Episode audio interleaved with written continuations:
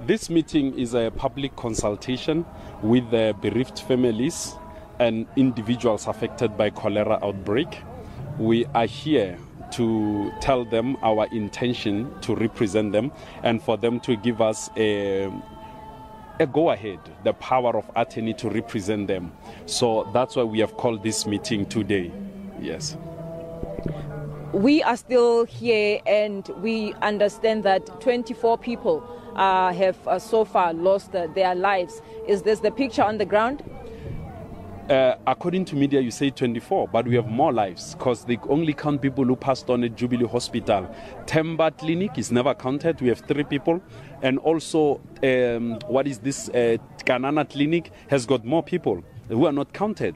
Then these are the big numbers that we are still waiting for them to see to, to see them coming in because Hammanskraal Water provide to more than 1,006 million community members. So there are more people who passed on. They only count Ganana, they don't count Lepeng, they don't count Majaneng, Mashimung, Skampaneng, other neighboring villages from the central one, which is Ganana.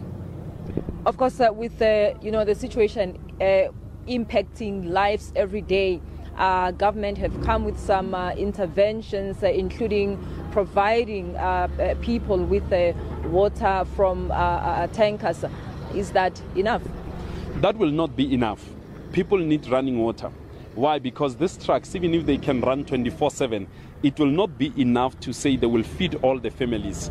What people must get is the running water that is definitely clean, that will, that will, they will not be scared to drink it. But uh, currently, the issue of trucks, the issue of uh, the water that is coming from um, Royval Sewer, uh, it's just not adding up because this is the same water that in 20, 2004, 2016, they were complaining about. And uh, this is not the first thing that we see people being admitted with a cholera. It has been happening over and over. In the past, they were calling it E. coli.